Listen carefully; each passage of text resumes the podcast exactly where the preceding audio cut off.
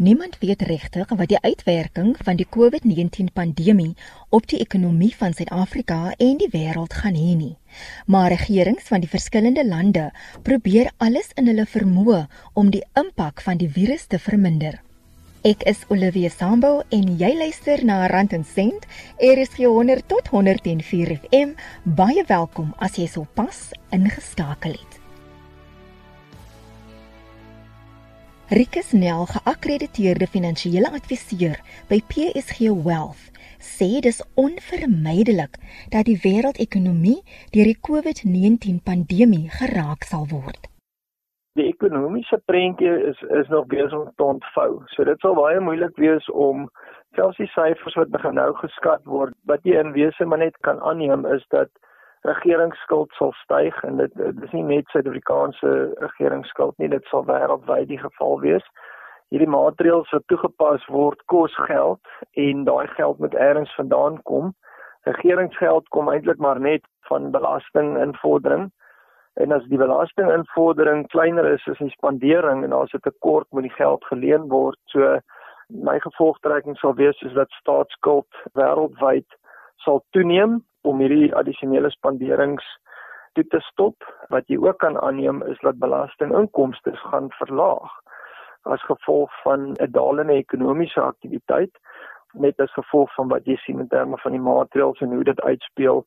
Daar is minder transaksies wat gedoen word, minder transaksies is minder wins, minder wins, minder belasting. So ek dink dat dit 'n duur oefening is in terme van ekonomiese implikasies is dit definitief so.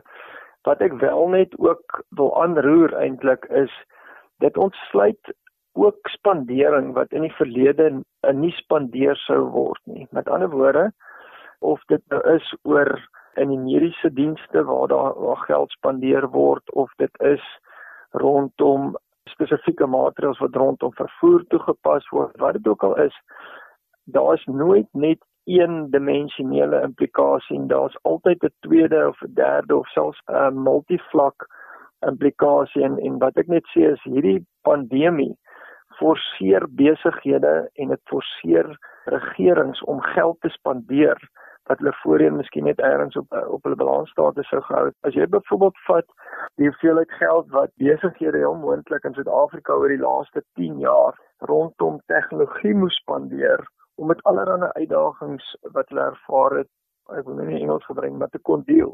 Jy weet as jy 'n 'n kragopwekker moes koop of as jy moes apparaat koop om oor afstand te kan besigheid doen elektronies, wat dit ook al was, dit is spandering wat noodgedwonge spandeer moes word om aan die gang te word. En ek dink daai geld wat nou spandeer word, gaan wel tot 'n mate in die ekonomie ingesluit word en dit gaan miskien heel moontlik die hou wat ons verwag so klein bietjie temper. Die ekonomiese implikasies dink ek is werklik. En dit is groot. Ek tel wel op deur meeste verslae wat ek sien is die verwagting soos wat die pandemie onder beheer gekry word en van hierdie maatreëls opgelig of verlig word dat die ekonomiese implikasie daarvan relatief vinnig kan herstel Herman van Papendorp, hoof van beleggingsnavorsing en bateallokasie by Momentum Beleggings, sê verder dat die COVID-19 virus 'n negatiewe uitwerking op die vraag en aanbod van die wêreldekonomie het. En aan die aanbodkant van die wêreldekonomie het jy nou hierdie gebreekte produksieketTINGS op party plekke as gevolg van die feit dat mense nou van die werke wegbly, die feit dat uh, mense fabrieke sluit en dat daar logistieke ontwrigtings uh, plaasvind en dit het natuurlik 'n negatiewe impak op jou vervaardigingssektor, op jou landbousektor en op jou mynbousektor. Om die waarheid te sê, min sektore sal eintlik heeltemal ongeskaad bly van hierdie virus impak. So dis 'n negatiewe impak so aan die aanbodkant omdat daai produksieketings nou uh, uh onder verdenking is. Natuurlik dit het ook 'n negatiewe impak op die vraagkant van die ekonomie want mense word nou meer geïsoleer in die wêreld al baie deel van die wêreld wat al heel wat weke al in isolasie was en China was al weet al vroeg in die jaar in isolasie. Natuurlik beteken dit dat mense dan nie so baie goed spandeer op weet dinge wat hulle sonder kan bly nie. Dit kom ons praat van duursame en semi-duursame produkte. Dis natuurlik goed soos klere, meubels en motors. Ook nou jy weet omdat hulle nie kan uitgaan na restaurante toe nie, hulle gaan nie meer na hotelle toe nie, hulle gaan nie na sekere winkels toe nie, hulle gaan nie na sekere reisagentskappe gebruik hulle nou nie eintlik meer nie. Daai goed het alles 'n impak op die vraagkant in die ekonomie ook, want mense gebruik nou hulle diskresionêre spandering baie minder en hulle spandeer maar eerder op die goed, die basiese goedere soos kos en huishoudelike goedere die in die ekonomie.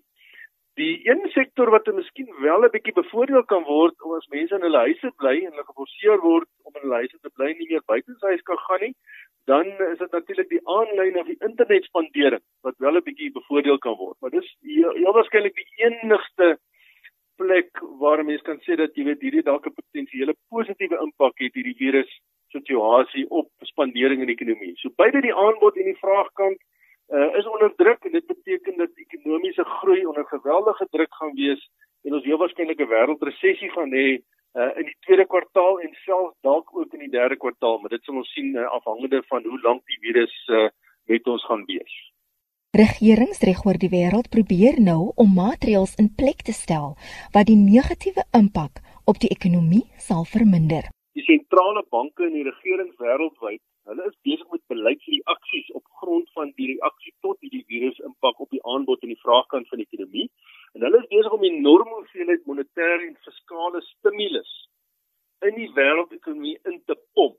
Nou aangesien hierdie beleidsmaatreëls die vraagkant van die ekonomie stimuleer omdat hulle nou jy weet hulle sny rentekoerse en hulle hulle beplan selfs om geld in mense se sakke direk te sit, gaan dit nou nie veel help om nou in die korttermyn die groot val in die produksieketting die produksie kant van die ekonomie te stuit nie.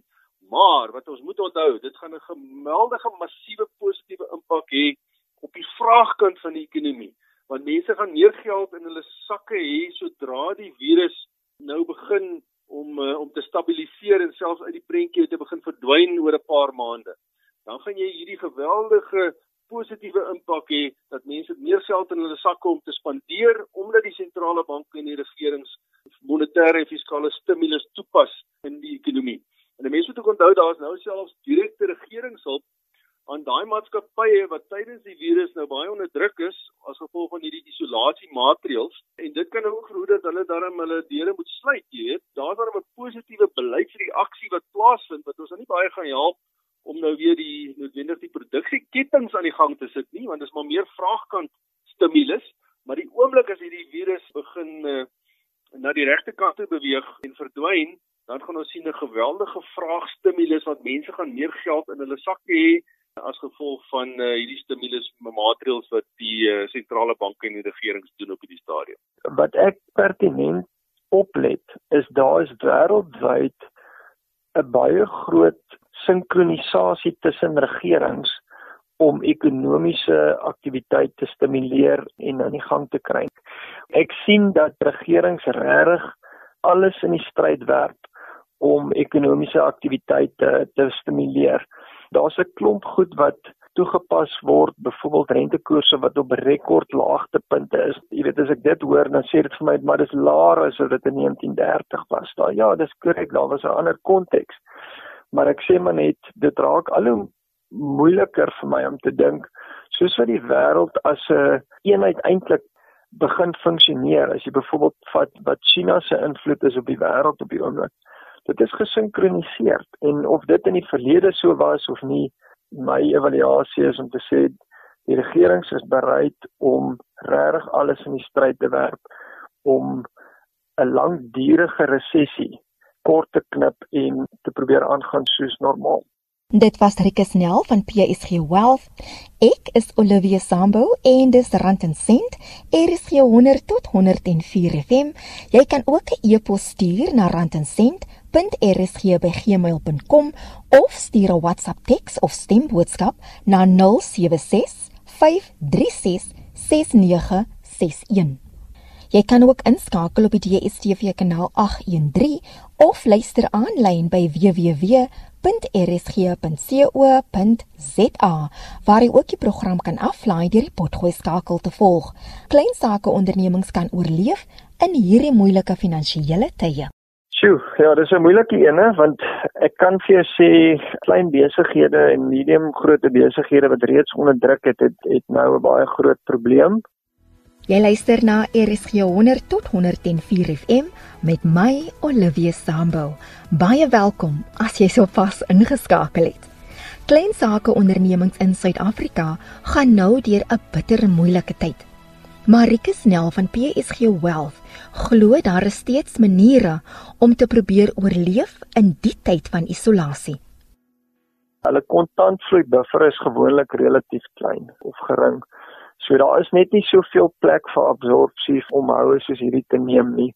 Die tweede deel is hulle het ook nie die nodige reserves om noodwendig sekere struikelblokke wat dit ook al mag wees om byvoorbeeld ewe skielik jou besigheid oor die internet te begin doen. Eenvoudig net daai rad oor te skakel nie. So ek dink tot 'n baie groot mate daar gaan bietjie van 'n uitskit wees in terme van besighede wat net nie gaan kan deurtrek nie. Wat krities belangrik is vir my in 'n tyd soos die is elke besigheidsouer en van hulle is definitief baie beter hiermee as ander. Maar ken jou nommers. Ken jou syfers want in tye soos hierdie is dit tot 'n baie groot mate 'n krisisbestuursfase.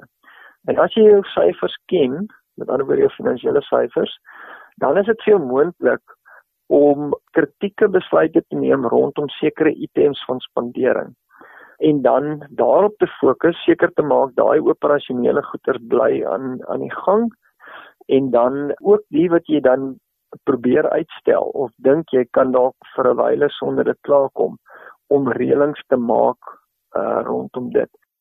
So 'n bietjie soos 'n sneeubal effek in die sin dat ewe skielik dieselfde sake vertroue in in Suid-Afrika wat ons ervaar het omdat groter besighede onseker raak oor tye se dien dan ewe skielik kan betaal hulle stadiger en nou kry jy 'n besigheid wat letterlik op die randjie van 'n afgrond staan en die oomblik as sy of haar uh, besigheidsbetaling bietjie vertraag word dan val die besigheid om. Daar gaan definitief groot implikasies wees, maar die beste advies wat ek kan dink is: ken jou finansiële syfers dat jy die beste besluite kan neem. En bygesê, dis nie soveel verskillend tussen besigheid en persoonlike finansies nie. Elke individu behoort hierdie deel te doen om te sê maar wat is die absolute noodsaaklike spandering wat ek het en ek wil net sê binne dit byvoorbeeld op die oomblik is daar iets soos 'n verband lenings terugbetaling. Maar van die banke is byvoorbeeld bereid om miskien grasie te gee rondom daai betaling. So maak dan daai reëling en dit stel weer kapitaal of kontantvloei beskikbaar om 'n paar ander balle in die lug te hou. En wat kan ons doen om klein sake ondernemings te ondersteun?